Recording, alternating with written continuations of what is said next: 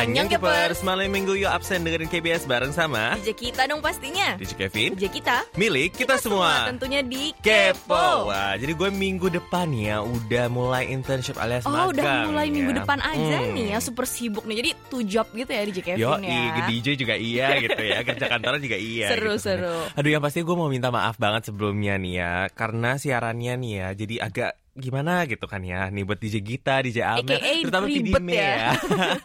iya nih ya, jadi izin dulu dari sekarang nih ya. Hmm. Nah kalau DJ Gita sendiri lagi sibuk apa nih akhir-akhir ini? gue kan tesisnya masih- tuh udah selesai ya. Siapa Hmm. bilang? gue masih revisi tesis sih, nunggu cap dari profesor gitu. Hmm, katanya sekarang kalau di lab ini ya nontonnya video katanya ya dengernya ya. ya udah bisa apa namanya setengah-setengah satu ngerjain tesis satu nonton video gitu. Ya pokoknya semoga semuanya intinya habis ini happy ending lah ya buat kita Amin, semua nih ya. amin. Dan mari kita gunakan waktu yang tersisa ini untuk sebelum kita mulai kerja beneran nih ya. Iya untuk loh. aduh jalan-jalan gak sih ya gak sih? Mm, musim panas gitu kan harus banget jalan-jalan ke pantai berenang gitu kan ya. Iya kalau menurut gua gak usah jauh-jauh lah ya. Eropa gitu gimana? Gaya ya anak di sebelah saya ini ya mentang-mentang sudah hampir bekerja nih.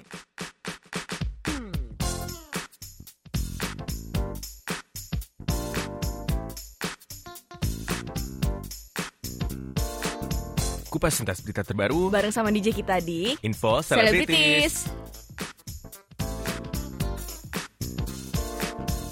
Won Bin ternyata meraih penghasilan luar biasa lewat iklan. Bin telah hiatus dari akting sejak 8 tahun yang lalu dan sejak tahun 2010 yang lalu terhitung telah muncul di 40 iklan. Katanya kontrak eksklusif dia mencapai 600 hingga 700 juta won alias hampir 1 miliar rupiah untuk satu iklan. Katanya juga akhir-akhir ini dia membeli sebuah gedung di daerah Cheongdam loh. FX Ember telah menandatangani kontrak baru dengan Steelwool Entertainment yang berbasis di Los Angeles. Aktivitas dia di Korea akan terus ditangani oleh SM Entertainment dan rencananya dia akan melakukan promosi di US lewat acting, nyanyi dan juga sutradara video. Dia juga katanya sedang training dengan beberapa koreografer di LA loh. Jokwon akan segera masuk militer bulan depan. Kyob Entertainment menyatakan bahwa Jokwon akan bertugas sebagai tentara aktif dan masuk militer pada tanggal 6 Agustus. Tidak diberitahu lokasi dan waktu di base camp mana dia akan masuk karena ia ingin mengadakannya dengan tenang tanpa fans. Labum akan comeback pada tanggal 24 Juli yang akan datang. Ini merupakan comeback mereka setelah setahun dan merupakan rilis album pertama mereka setelah Hyunhee meninggalkan grup ini. Single ini akan diberi judul Between Us dan ditulis oleh member Soyeon. Kita nantikan transformasi baru Labum ya.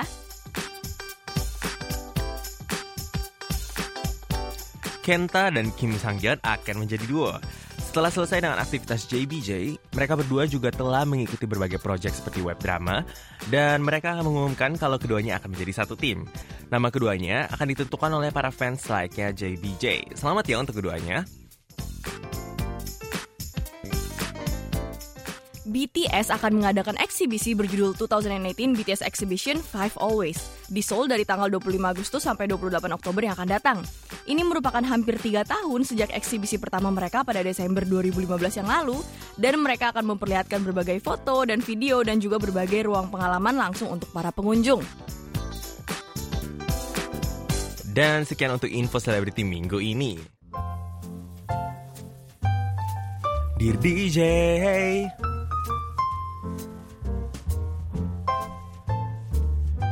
Oh, dear DJ. Nah, untuk minggu ini di DJ-nya datang langsung nih ya ber- berupa surat beneran nih ya. Oh. Mm. Nah, langsung aja yang pertama nih ya dari Teresia Farida nih ya. Hai. Eh, karena aku tidak begitu percaya dengan tulisan tanganku, jadilah surat ketikan ini yang bisa aku buat nih DJ katanya. Tolong dimaklumi ya DJ. Sebelumnya aku ingin mengucapkan banyak terima kasih. Paket surat survei kepuasan pendengar KBS World Radio 2018 sudah aku terima dengan baik dan utuh dan akan segera kembali ke KBS World Radio secepatnya bersamaan dengan surat ini. Aku begitu senang menerimanya. KBS World Radio selalu tahu bagaimana cara memperlakukan para pendengarnya menjadi istimewa dan membuat kami semua tetap setia dan bangga menjadi salah satu bagian dari KBS World Radio Indonesia.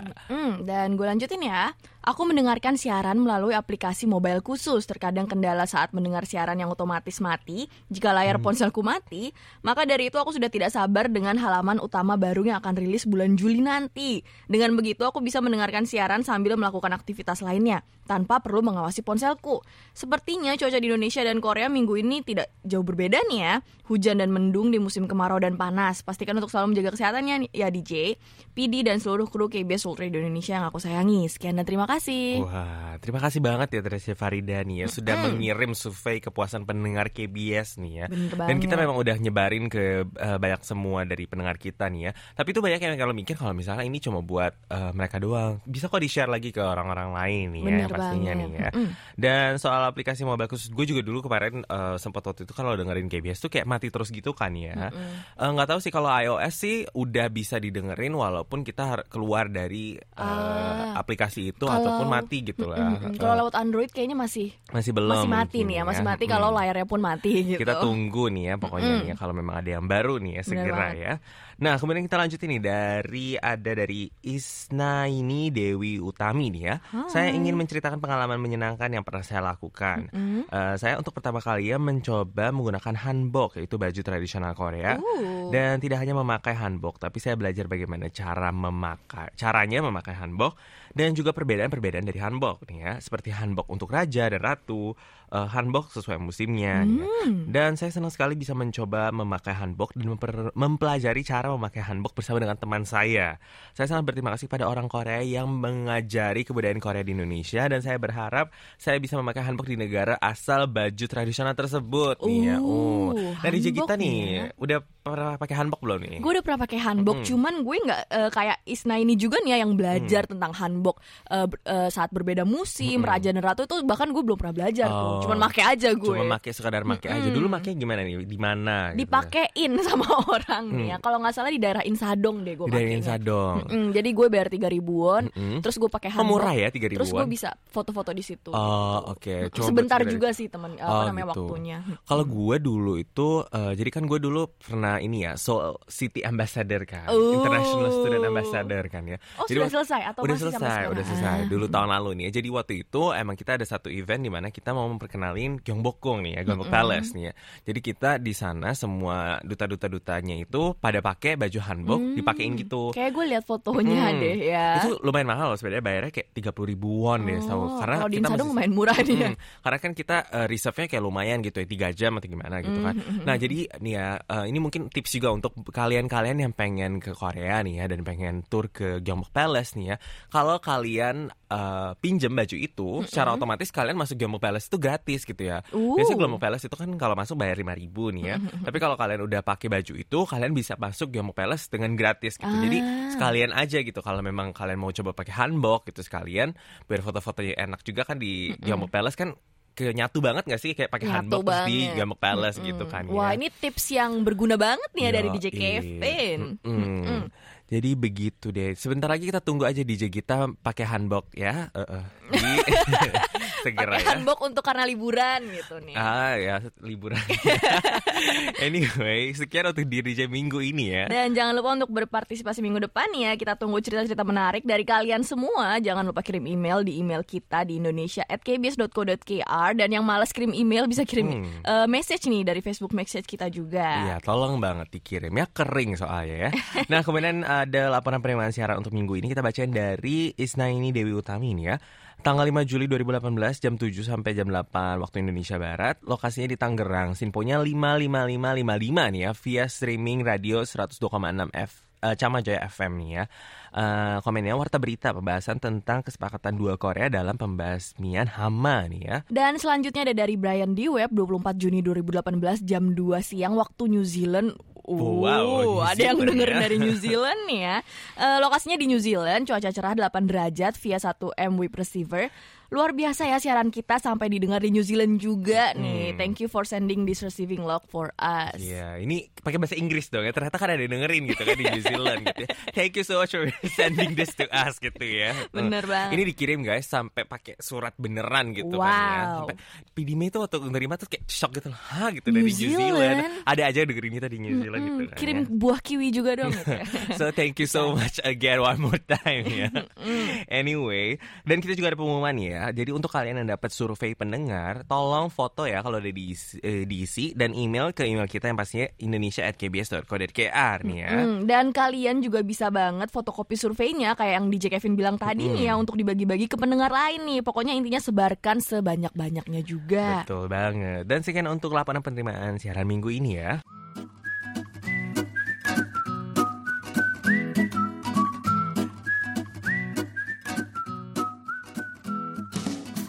Nah, udah waktunya untuk kata kamu kata aku minggu ini ya. Dan topik minggu ini kita pengen ngebahas tentang lingkungan ya. Uh, environment Hmm, hmm. ya. Gimana kalau diserahkan ke DJ kita aja semuanya ini ya? Karena secara dia kan anak S2 teknik lingkungan ya guys ya. Apa sih apa sih coba-coba dibilang dibilang ya coba coba. Soalnya udah master juga ya guys ya. Hampir hampir. Tahu lah semuanya gitu kan ya. Jadi ini ya, eh, seperti yang kalian semua mungkin pada belum tahu nih ya. Jadi di Korea ini tepatnya tanggal 1 Juli kemarin, Kementerian Lingkungan mendapatkan peraturan yang tidak memperboleh, memperbolehkan penggunaan gelas atau piring sekali pakai jika kita mau minum kopi atau makan di tempat nih. Hmm, terutama kedai kopi ternama nih ya kayak eh, Bintang Bucks Mm, gitu tahu lah ya. Mm, dan eh, di situ juga udah kasih pengumuman dan biasanya selalu ditanya apakah mau minum di tempat atau take out karena kalau minum di tempat bakal kasih mug yang seramik itu loh. Hmm, benar banget nih ya. Dan katanya nih ya, kalau kalian bawa tumbler sendiri, eh, jadi minuman kalian itu didiskon nih ya. Tapi kita belum tahu juga sih, belum coba juga kebenarannya emang bener apa enggak gitu kan ya. Nah kalau kayak gini pada semangat nggak sih harusnya kan bawa Iya. cup sendiri, bawa tumbler sendiri biar dikasih Hmm. diskon gitu kan? Apalagi kalau misalnya di Indonesia kayaknya bisa banget diterapin kayak gini nih ya. Terutama ibu-ibu yang pada Bener pengennya banget. diskon demenan diskon deh. Gue rasa pada rajin gak sih jadi bawa tumbler gak sih ya? Hmm. Nah jadi penasaran nggak sih gimana nih kalau peraturan kayak gini diadaptasi juga di Indonesia dan kira-kira pada siap nggak ya? Hmm. Terus gue juga ada penasaran nih ya. Jadi kan selain sikap plastik itu nih ya, kita kayaknya banyak banget tuh ya kayak kantong belanjaan lah ya kan. Terus kayak kertas kayak macam skrip-skrip gini kertas semua kan ya yang di print kayak gini. Ada juga lah tisu di restoran gitu kan ya. Jadi menurut kalian kalian sendiri nih pakai paling banyak apa sih sebenarnya nih ya? Mm, Dan sejauh ini apakah kalian sudah menjaga lingkungan Weh, kita gitu, sebagai- sudah melakukan yang terbaik gitu? Hmm. Kalau DJ kita sendiri gimana sebagai anak teknik lingkungan sudah menggunakan Kalau gue sih Hmm. jujur nih ya kalau gue masih sebatas eh, memilah-milah sampah Hmm. sih kalau gue. Tapi DJ kita itu sudah mem- eh, ini ya yang pasti di tesis dia ini sudah memperkenalkan Nggak sesuatu juga yang sih. baru untuk lingkungan Iya, kalau kita yang iya. pastinya Mm-mm. nih ya. Cuman kalau di lab Mm. pun gue ya tetap pakai mok yang seramik seramik Oh, itu gitu. atau pakai tumbler. Gue udah nggak pernah lagi pakai yang namanya kertas cup itu nih ya Oh. kalau di lab gitu. Yo, by the way panjang ya opening kita nih ya. Nah langsung aja kita bacain yang pertama nih komen ada dari Visti Desinta nih ya. Kalau di Indonesia diberlakukan hal yang sama, saya siap banget nih DJ. Secara memang sudah selanjut, sudah seharusnya masyarakat lebih peduli terhadap lingkungan ya dan alam. Kalau saya pribadi jujur paling banyak itu pakai tisu dan kertas nih ya. Hmm. Kertas paling banyak dipakai kalau buat kantor. Karena mikir apa nggak bisa ya kalau nggak di print ya. Tapi namanya orang keuangan dan accounting bukti tertulis yang sah itu sebuah keharusan ya. Bener, Jadi bener. susah nih ya. Nih ya jadi eh, tips nih ya. Kalau menurut gue print bolak-balik itu Print butuh bolak-balik. ya. Mm-mm. Kayak di KBS gini yang tukang ngumpulin kertas itu yang untuk didaur ulang itu sebenarnya PDME ya. itu ada gitu ya. Em, ambil Cuman aja dari print- situ. Tapi untuk print bolak-balik itu emang efektif banget sih untuk ngurangin kertasnya pun juga Hmm. nih ya. Terus Mm-mm. masih ada nih lanjutannya nih ya. Di kita tolong Dan, bacain ya. Kalau hal apa yang sudah saya lakukan untuk lingkungan memang belum banyak nih DJ, tapi setidaknya sudah membatasi diri agar nggak boros air, Hmm. plastik dan kertas. Kasih tahu temen juga kalau ada hal yang di- bisa dimanfaatkan seperti kertas bekas. Kalau kertas bekas kan masih bisa dipakai untuk print, why not? Betul. Termasuk belanja, bawa tas belanja sendiri. Dan selama bisa masuk tas, kenapa harus pakai kantong lagi? Intinya dari diri sendiri kan DJ, katanya Hmm, gitu. Bener banget ya, mesti dimulai dari diri sendiri nggak sih ya? Mm. Kalau nunggu orang lain gitu kan, ya kapan mulainya? Karena orang lain pun sendiri nunggu gitu kan ya, kapan lagi orang lain yang itu kan main Bener tunggu-tunggu aja banget. jadinya nggak Mm-mm. sih ya Dan kalau di Indo- eh, di Korea juga kan sekarang plastik kan sudah diba- dibiayai kan ya. Mm-mm. Dan kalau misalnya kita setiap belanja kita mengeluarkan kayak misalnya 100 won itu kan Mm-mm. sama aja kayak 1300-an di Indonesia gitu kan. Itu kan mahal juga nih ya. bahkan kalau kantong plastik sampah tuh bisa sampai 500 which is kayak enam ribu rupiah gitu Iya. kan mikir juga sebenarnya nggak mikir juga sih gua anyway Cuman kalau misalnya belanjaan masuk langsung tas kita aja itu udah bener banget sih. Betul, gue juga kayak gitu sih biasanya nih ya, masukin tas aja nih ya. Kemudian selanjutnya nih ada dari Dwi Budi Raharjo nih ya. Darurat sampah plastik sudah harus disikapi semua orang nih ya. Bahwa tanpa kepedulian diri dari diri sendiri, semua akan menanggung akibatnya. Lakukan yang sederhana saja namun turut andil mengerem penggunaan plastik nih ya. Sudah berlangsung cukup lama penggunaan kantong plastik dipakai berulang kali untuk membungkus katanya nih ya. Botol plastik bekas juga sudah dikumpulkan untuk memudahkan daur ulang nih ya. Gelas kaca khusus dipakai tempat minum sendiri nih ya. Pemakaian kain lap maupun sapu tangan udah umum di rumah sebagai ganti tisu. Wow. Wow. Ini menurut gua agak bener banget nih ya karena secara gua terutama nih ya yang paling boros kayaknya pakai tisu sebenarnya Sama sih, ya. sebenarnya Mm. gue pun juga gitu nih ya. Kayak sapu tangan itu memang berguna banget nih ya untuk mengurangi pemakaian si tisu nih. ya. Berapa banyak tuh ya pohon-pohon udah lu tebang tuh ya gara-gara lu tuh. Eh, kan? Gara-gara siapa? Gara-gara gue. Eh, gara-gara gue juga kita sih. ya.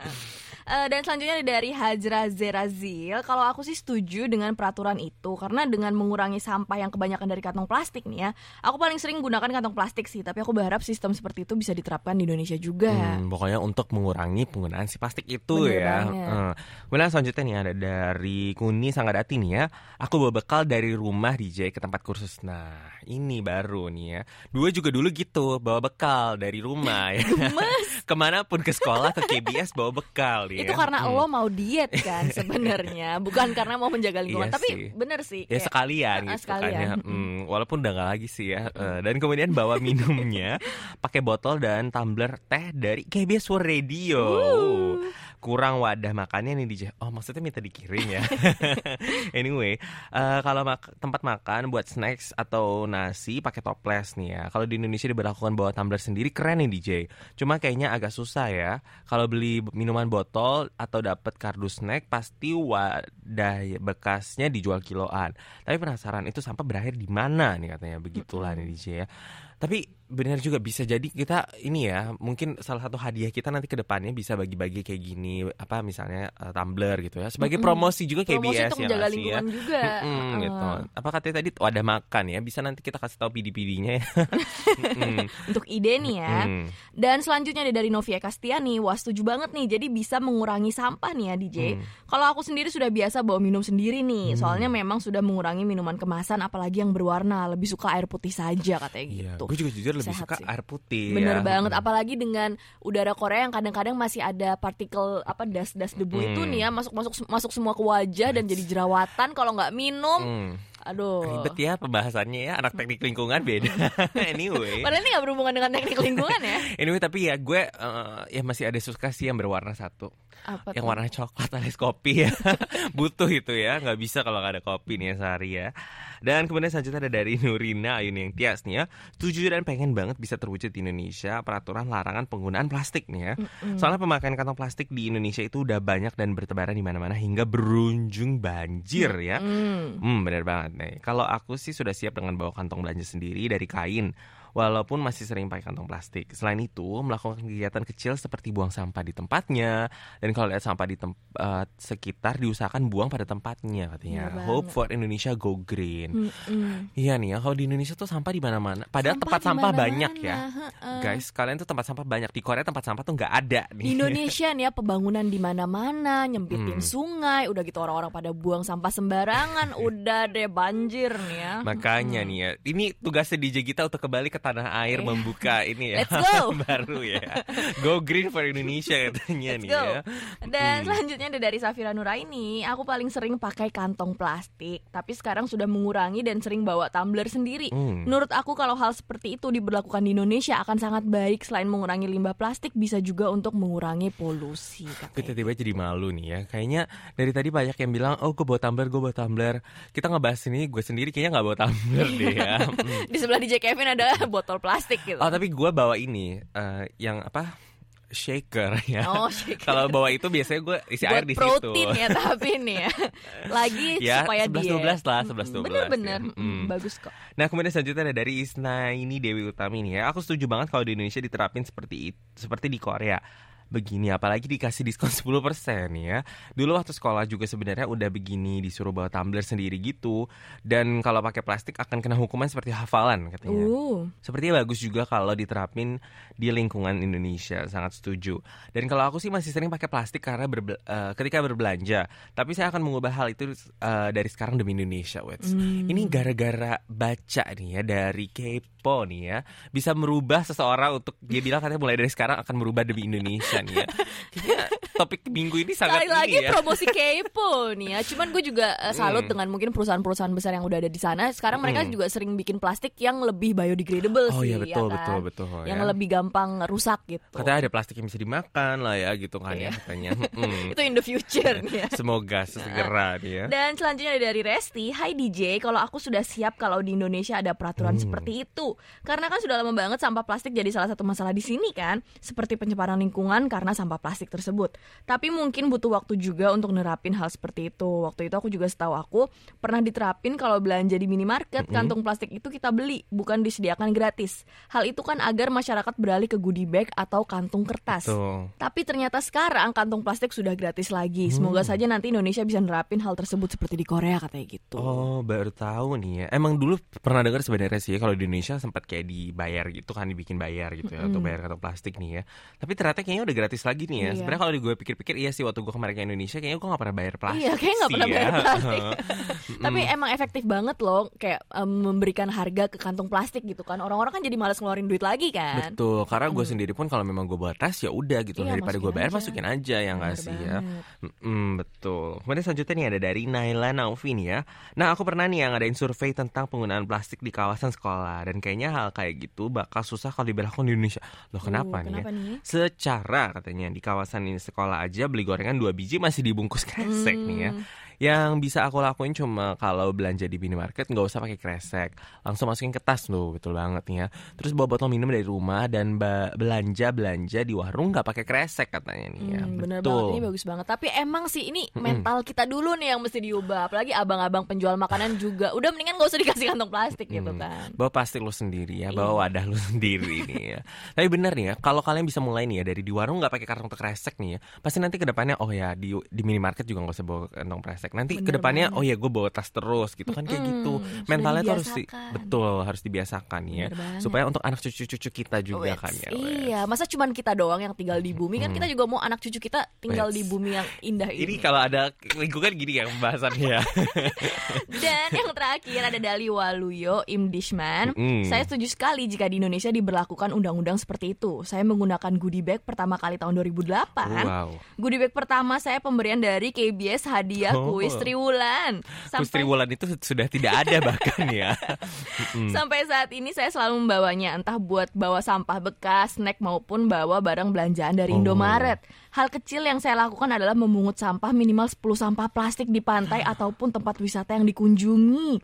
Bicara soal sampah plastik memang sangat menyedihkan untuk bumi Indonesia yang masuk lima besar penyumbang sampah plastik di dunia nih katanya. Salam lestari. Wow, pertama nih ya, goodie bag eh, KBS sekali lagi menjadi ini ya promosi menjadi, iya, ya. menjadi media untuk eh, menjaga lingkungan. menjaga loh. lingkungan dan juga untuk promosi dibawa ke mana-mana katanya ke Indomaret segala macam kan Iya. nanti itu promosi banget nih oh itu di- ada KBX gitu kan Uh-uh, ya wow. Mm, kayaknya mungkin bisa lagi nih ya diterapkan lagi goodie bag lagi nih ya Katanya dibawa sampai dari tahun 2008 dari 2008 sampai sekarang berarti udah 10 Ah, tahun ya kan ya loh. Masih Cuman disimpan. heeh, dan gue pun nih sebenarnya nih ya gue belum sama seperti Waluyo yang, yang Mm. apa namanya memungut sampah minimal 10 sampah plastik di pantai gitu tuh gue belum pernah melakukannya nih jujur. Oh. Dan tapi Mesti nih ya, ditiru nih. coba nih ya, dari satu orang memungut 10. Dari 10 orang berarti memungut yang udah 10 berarti dari 100 kan. Dari 100 orang berarti jadi eh, 1000. Lebih banyak lebih banyak lagi. Kalau semua orang kayak gini tuh bersih nggak sih sebenarnya negara kita ya nggak sih? Apalagi ya? kalau di Indonesia kan negara terpadat nih populasinya Betul. yang keempat di dunia nih ya. Kalau semua orang mungut 10 sampah udah kan bersih. bersih udah nggak ada Iya. sampah sama sekali itu ya nih ya. Let's Dan- go. Dan katanya memang oh gue agak shock nih katanya kalau Indonesia memang masuk lima besar pemu- penyumbang sampah plastik dunia. Emang benar itu di kita? Gimana Sepertinya nih ya? benar nih ya. Sepertinya nih ya. Anyway, bener banget nih ya. Gue setuju banget sama lu ya nih. Tolong diterapkan seperti ini ya. Bener jangan Iya. buang sampah sembarangan pastinya dan juga kalau memang ada sampah sembarangan kita coba pungut gitu kan ya. Iya. Hmm. Dan udah banyak banget ya yang masuk nih ya. Dan kayaknya eh, di Indonesia juga patut nih ya diterapkan nih ya eh, peraturan-peraturan seperti ini nih ya. Semoga topik ini bisa membuka mata pendengar semua nih ya, mencerahkan pikiran Betul. kalian. Dan gitu kalau bisa kan. didengar juga sama petinggi-petinggi di atas nih ya supaya diterapkan Iya, ya. Mungkin dari banget. kepo setelah dengerin kepo diterapkan gitu kan langsung nih ya. Anyway, sekian untuk kata-kata aku minggu ini ya. Dan jangan lupa nih ya untuk tetap berpartisipasi untuk minggu depan. Pastinya dan untuk yang beruntung minggu ini Adalah adalah Dwi Budi Raharjo. Yeay. Selamat ya. 있습니다.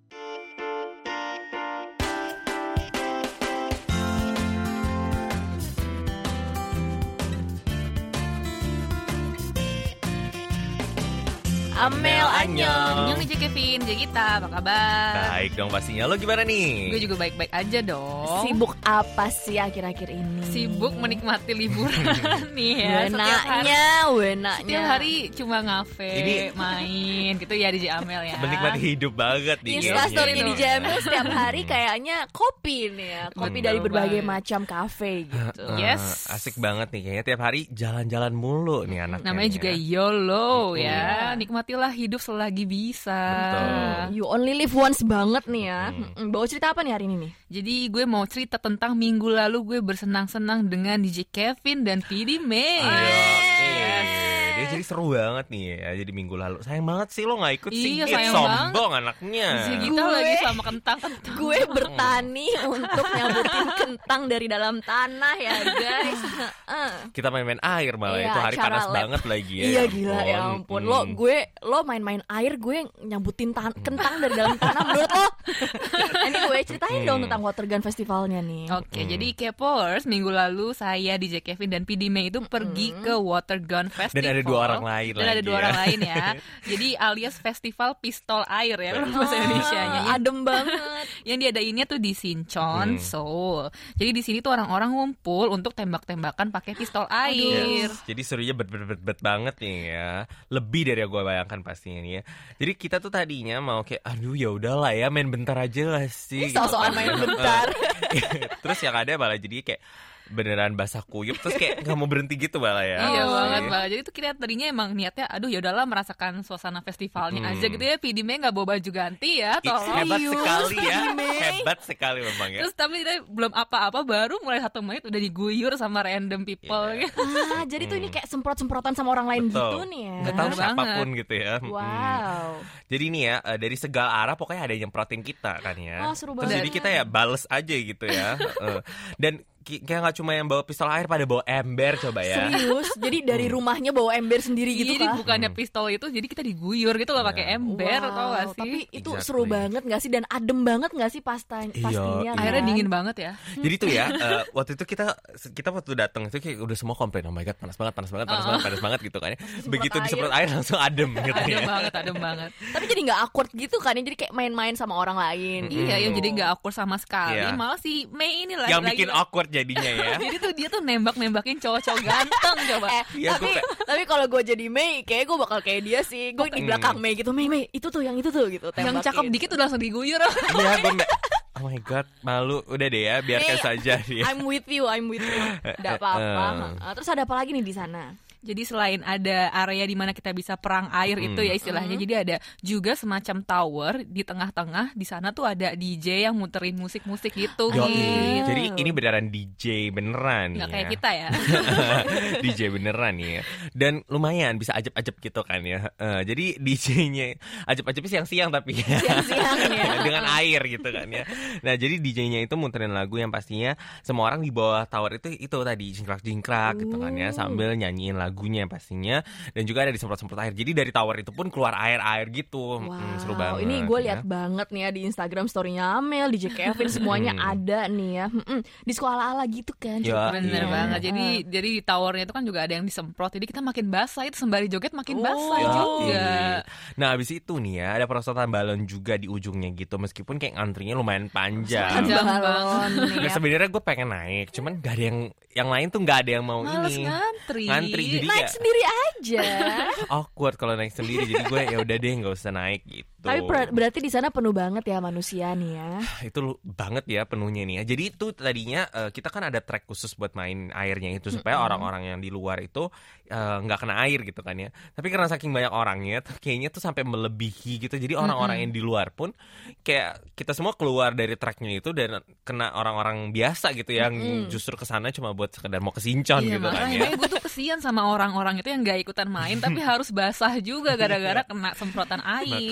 Tapi Iya. kok nggak ikutan kok bisa kena semprot gitu. Bisa Itu banget dia. ya orang-orang biasa Nah, kena coba semprot dijelaskan. Nah, tadi kan si Kevin juga udah bilang itu bener-bener di jalan rayanya Sincon gitu. Hmm. Jadi orang-orang yang cuma lewat itu langsung kena air juga. Apalagi kalau ada orang-orang yang iseng kan, eh semprot ah semprot ah gitu. Oh, ya ampun. Sebenarnya sih dibatasin ya, ada banner khusus Iya, supaya em, orang-orang yang jalan biasa itu nggak kena gitu ya. Tapi orang-orang apa- at the end pada kayak ngedrobosin si Iya, iya banner sih, itu dan akhirnya ke jalan raya biasa. Orang-orang itulah orang-orang biasa pun pasti kepo gak sih? Ih apa tuh mau dong ikutan gitu. Eh sendirinya nanti kena semprot gitu. Bener banget. By the way festival ini tuh kayak diadain setiap tahun kah atau cuma tahun ini aja nih? Betul nih ya. Jadi Watergun Festival ini diadakan pertama kali itu pada tahun 2013 nih ya. Ah. Jadi tahun ini merupakan tahun keenamnya nih dan acaranya semakin meriah dan semakin banyak peserta yang ikut nih setiap tahunnya ya. Bener banget. Jadi kalau K-popers ada yang pernah dengar festival Songkran dari Hmm. Thailand, mirip-mirip nih sama itu. Nah, iya. Hmm, mungkin ini terinspirasi sama festival Songkran itu nih ya. Kayaknya sih gitu. Hmm, by the way bayar gak sih kalau mau ikut acara Jadi ini? untuk ikut ke acaranya ini sih gratis. Cuma Mm. kita kemarin tuh beli paket seharga 18.000 ribu won yang termasuk pistol airnya, terus jas hujan, kacamata, terus sama fasilitas locker dan ruang ganti baju. Tuh. Kan ribet kan kalau misalnya udah basah kalau nggak ada tempat ganti baju Bener gitu. banget, bener banget. Sebenarnya technically kita bisa ke sana gratis juga ya Iya, sebenarnya. iya nih gratis ya. sebenarnya. Ah. Sebenarnya gratis ya. Asal misalnya lu udah punya pistol air di rumah gitu ya. Udah lu bawa aja. Terus rumah lu di Ya udah Kalau gitu. rumahnya deket udah tinggal Enak. pulang aja ganti baju kan. Jadi orang-orang yang sebenarnya jalan-jalan biasa nggak mau ikut festival tiba-tiba masuk aja dengan Boleh. terus Boleh, eh, boleh. mau dong Lu mau basah Boleh masuk ya. aja. Boleh. gitu. iya. Makanya. By the way acaranya mulai dari jam berapa sampai jam berapa tuh waktu itu? mulai dari pagi itu jam 10 mal 10 nih ya sampai jam 9 malam selama dua hari Uh nih ya. sampai tanggal malam ya. Mm-mm, tanggal 7 dan 8 Juli yang kemarin nih minggu lalu ya. Yes, Mm. betul banget. Makanya kita cuman main dua jam aja, capek banget ya kemarin. Capek banget nih ya. Wow, Dan tapi tuh- terbakar. ya Wow, ini emang di bawah terik matahari kan, walaupun kalian semprot-semprotan air terus Mm, nih jadi ya. adem tapi matahari terik gitu kan. Iya. Mm. Tapi anyway gue mau banget di tahun depan lagi. Yuk, Ayo tahun dong, mudah-mudahan tahun depan masih di Korea dan gue harus banget ikutan. Amin banget. Pokoknya kalau misalnya tahun depan lagi gue mau beli pistol yang lebih gede Uh. karena kayaknya tuh kemarin pistol kita kurang ya kayak Kenapa Gimana emang gede. ya kurang gede ya? Pancuran air tuh kurang Kurang mantap Tajam gitu, gitu ya. loh. Mm. Mm. Kalau gue sih pengen bawa ember yang Oh, iya, ya. Ini balas dendam banget gak sih sama orang-orang yang guyur gua gitu ya. Bener Mm. banget. Ini gue penasaran banget nih sama foto-fotonya nih ada di website kita dong pastinya ya. Banyak ya. Pastinya Hmm. foto-fotonya banyak ya di dokumentasinya bisa dilihat di world.kbs.co.kr slash Indonesian. Oke, thank you Amel untuk ceritanya hari ini dan ketemu lagi minggu depan ya. Sip, ketemu lagi minggu depan ya Kipers untuk kamu dari Korea.